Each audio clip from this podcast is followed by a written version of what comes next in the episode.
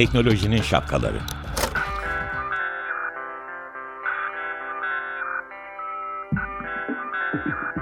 Bilgi ve iletişim teknolojileriyle güvenli ilişki için Banu Zeytinoğlu, Murat Lostar, teknolojinin tüm renklerini, siyah, beyaz, mavi, kırmızı şapkalarını konuşuyor.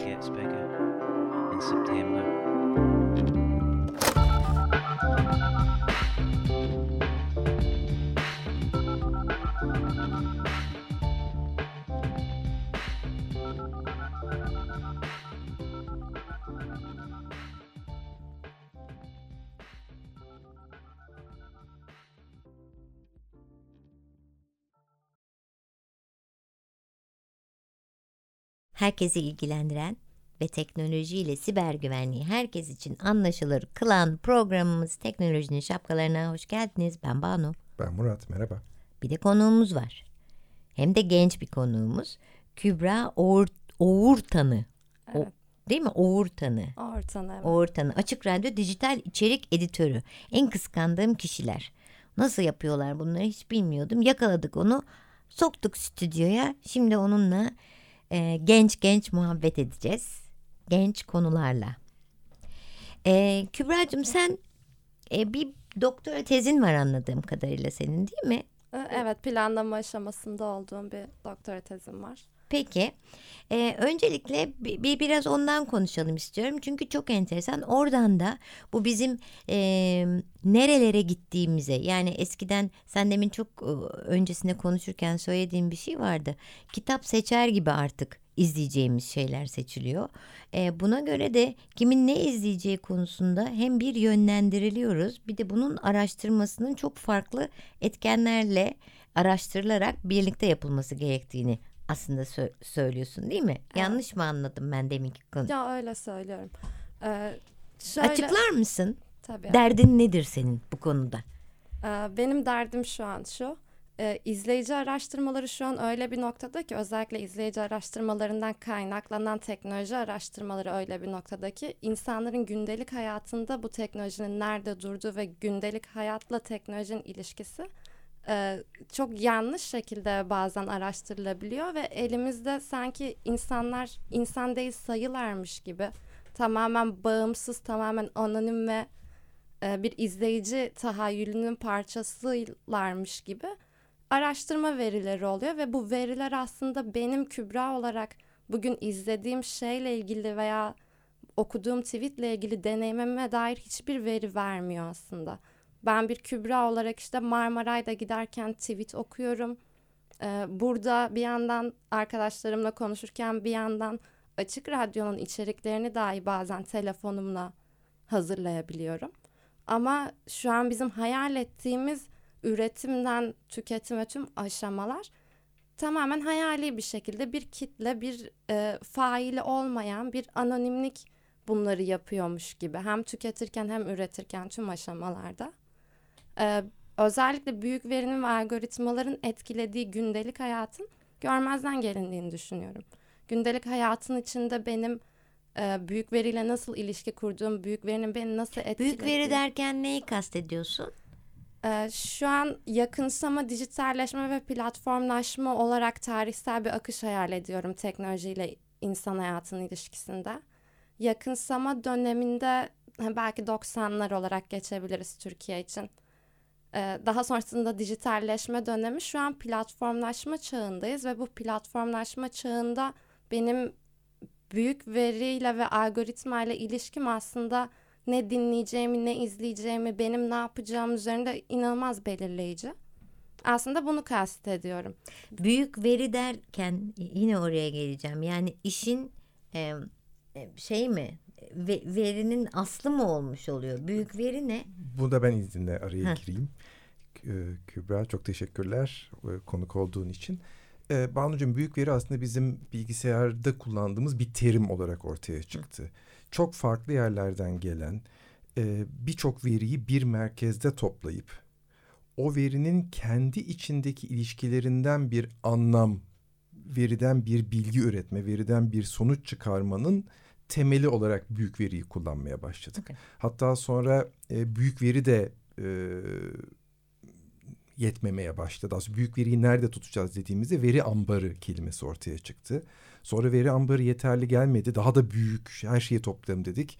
Ona İngilizce data lake ya da Türkçesi de veri gölü demeye başladık. Yani yavaş yavaş büyüyor. Yakında veri okyanusuna kadar çıkacak herhalde bu kavramlar. Ee, büyük nihayetinde büyük veri mesela sen internette geçen haftalarda konuştuğumuz internete gezdiğinde seni izliyor ya sistemler. Hmm. E, izliyor peki ne oluyor bu veri? Aslında sadece seni izlemiyor.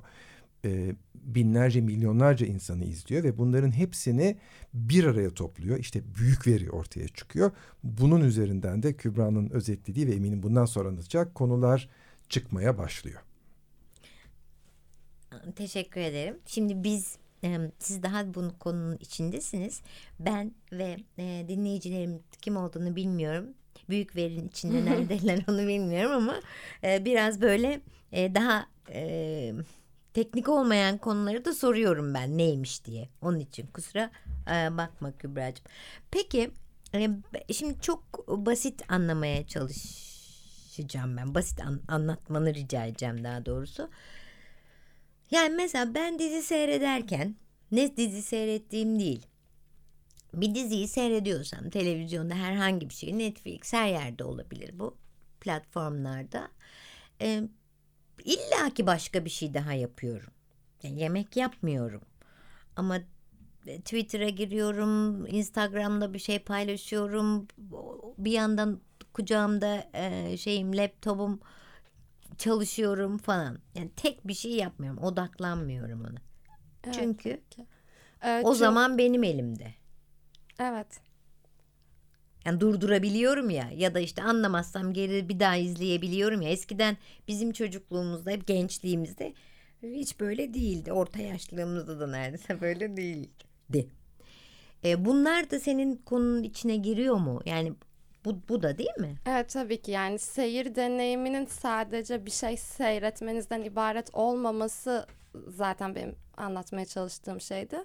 Artık sizin seyir deneyiminiz birçok şeyi aynı anda yaptığınız ve bir katalog sistemin içinden bir kütüphaneden bir şey seçip istediğiniz zaman başka bir şey seçebileceğinizi de bilerek.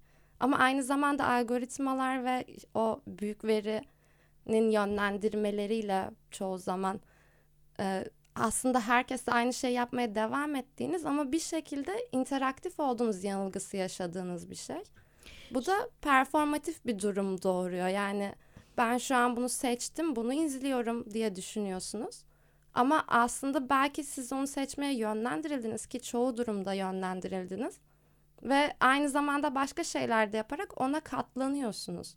Aslında şöyle bir şey bu biliyorsun e, biz bu programlarımızda e, bu, bunu daha önce konuştuk. Yani telefonda da öyle bir şey. Senin e, yemek saatine uygun sana yemekle ilgili bilgiler gelmeye başlıyor. İşte e, yani hani o, o öyle bir sistem var ya e, akıllı telefonlarımızda da.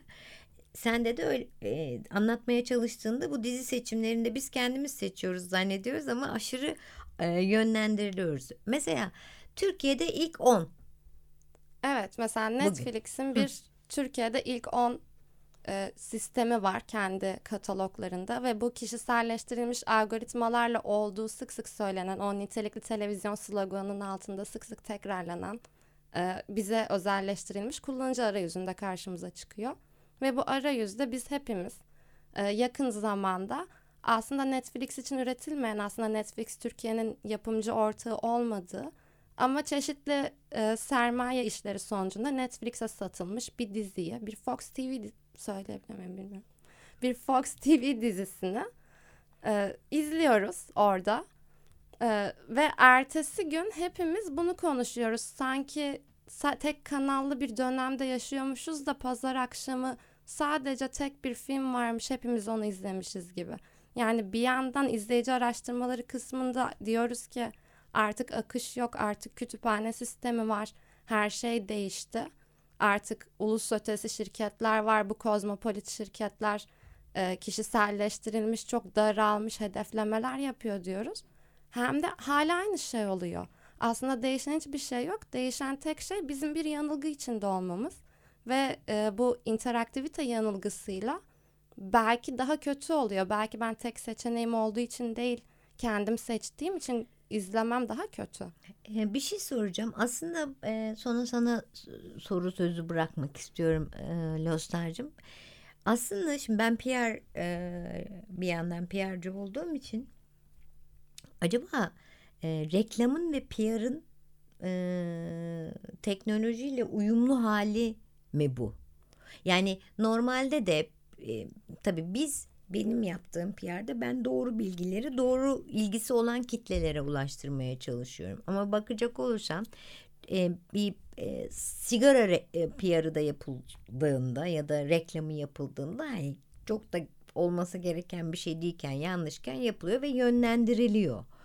Acaba bu e, senin şu anda yakaladığın şey e, ilk başta söylediğim gibi teknolojiyle e, böyle bu çağla beraber reklamın ve PR'ın evrilmeye başladığı şey mi?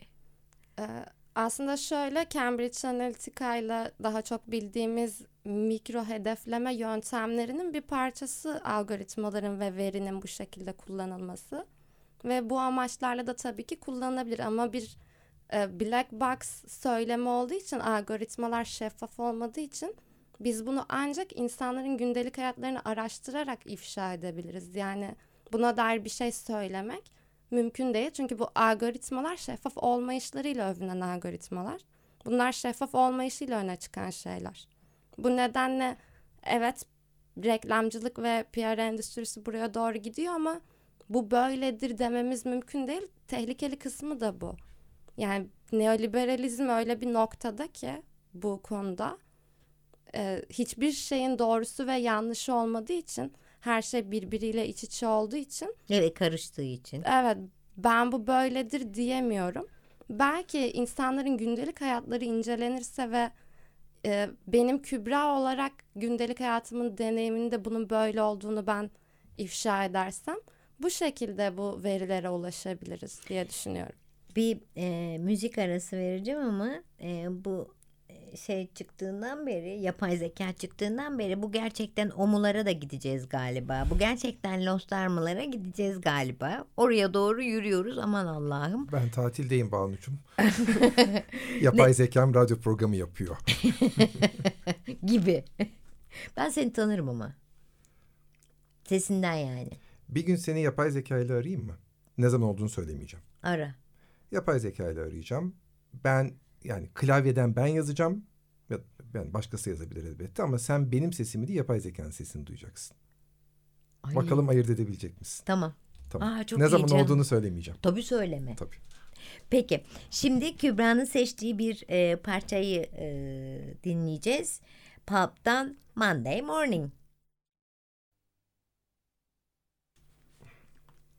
Evet Pub'dan Monday Morning'i dinledik. Konuğumuz e, Kübra Ortan'ı Açık Radyo Dijital İçerik Editörü ama bir tuhaf bir şey. Ben artık soru sormayacağım.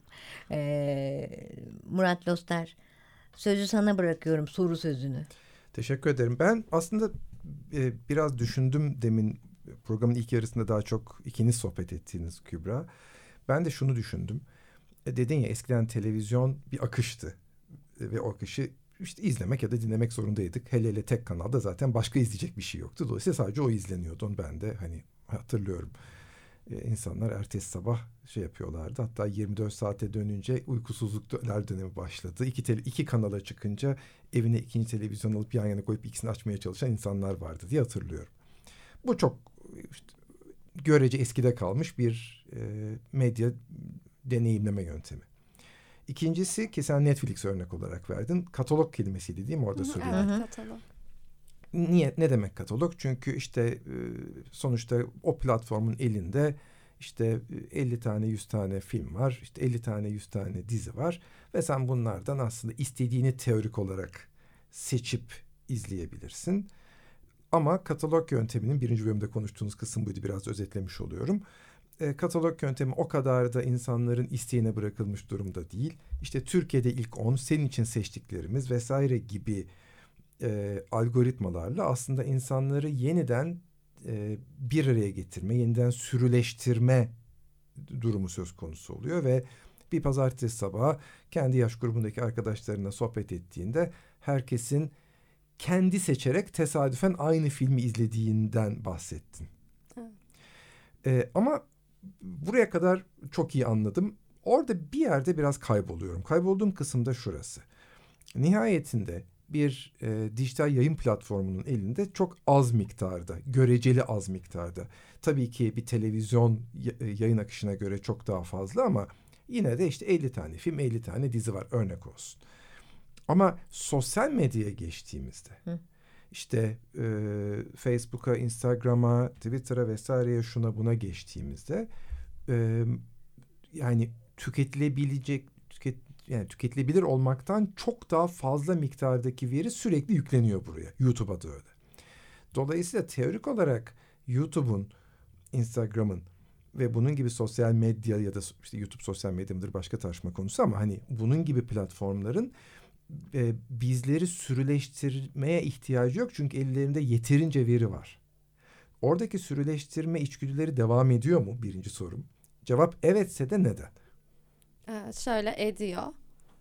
Cevabın evet olmasının sebebi bunun tamamen ticari olarak belirli içerikleri ön plana çıkarmanın hem platformun e, devamlılığı sürdürülebilirliği için hem reklam verenlerin işine neyin geldiği için hem de bunun biraz ekonomi politik bir kısmı da var. Politik olarak Türkiye'deki YouTube izleyicilerinin ne izlediği de önemli olduğu için algoritmalar tarafından yönlendirildiğini iddia ediyorum ben.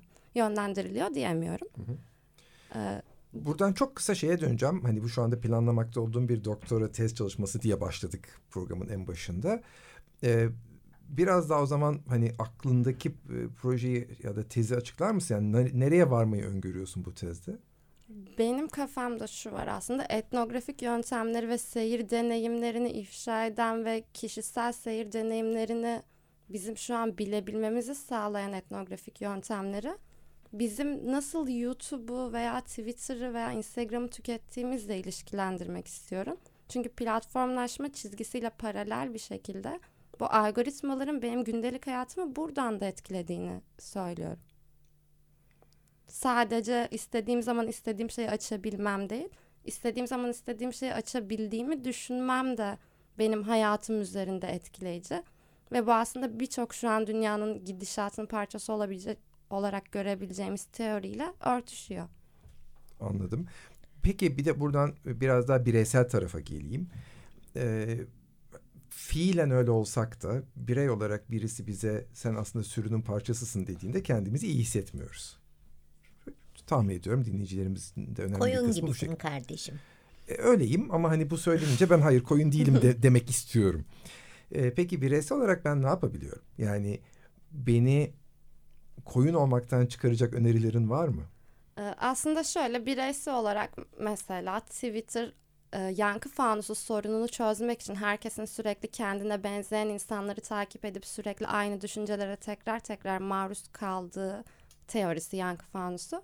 Yankı fanusunu çözmek için dedi ki ben öne çıkaran içerikleri size gösterdiğim bir sekme yapacağım. Hı hı. Ve bu sefer de benim yankı fansumu oluşturma hakkım elimden alındığı için ben tüm Türkiye ile ya da tüm eğer coğrafi hedefleme ise tüm İstanbul'da aynı içerikleri görüyorum.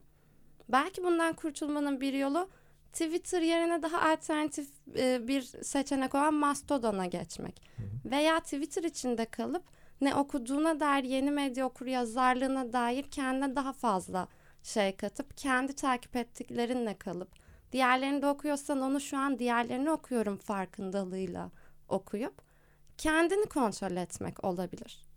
Ama alternatif platformlar her zaman çok daha güvenli bu ana akım platformlardansa.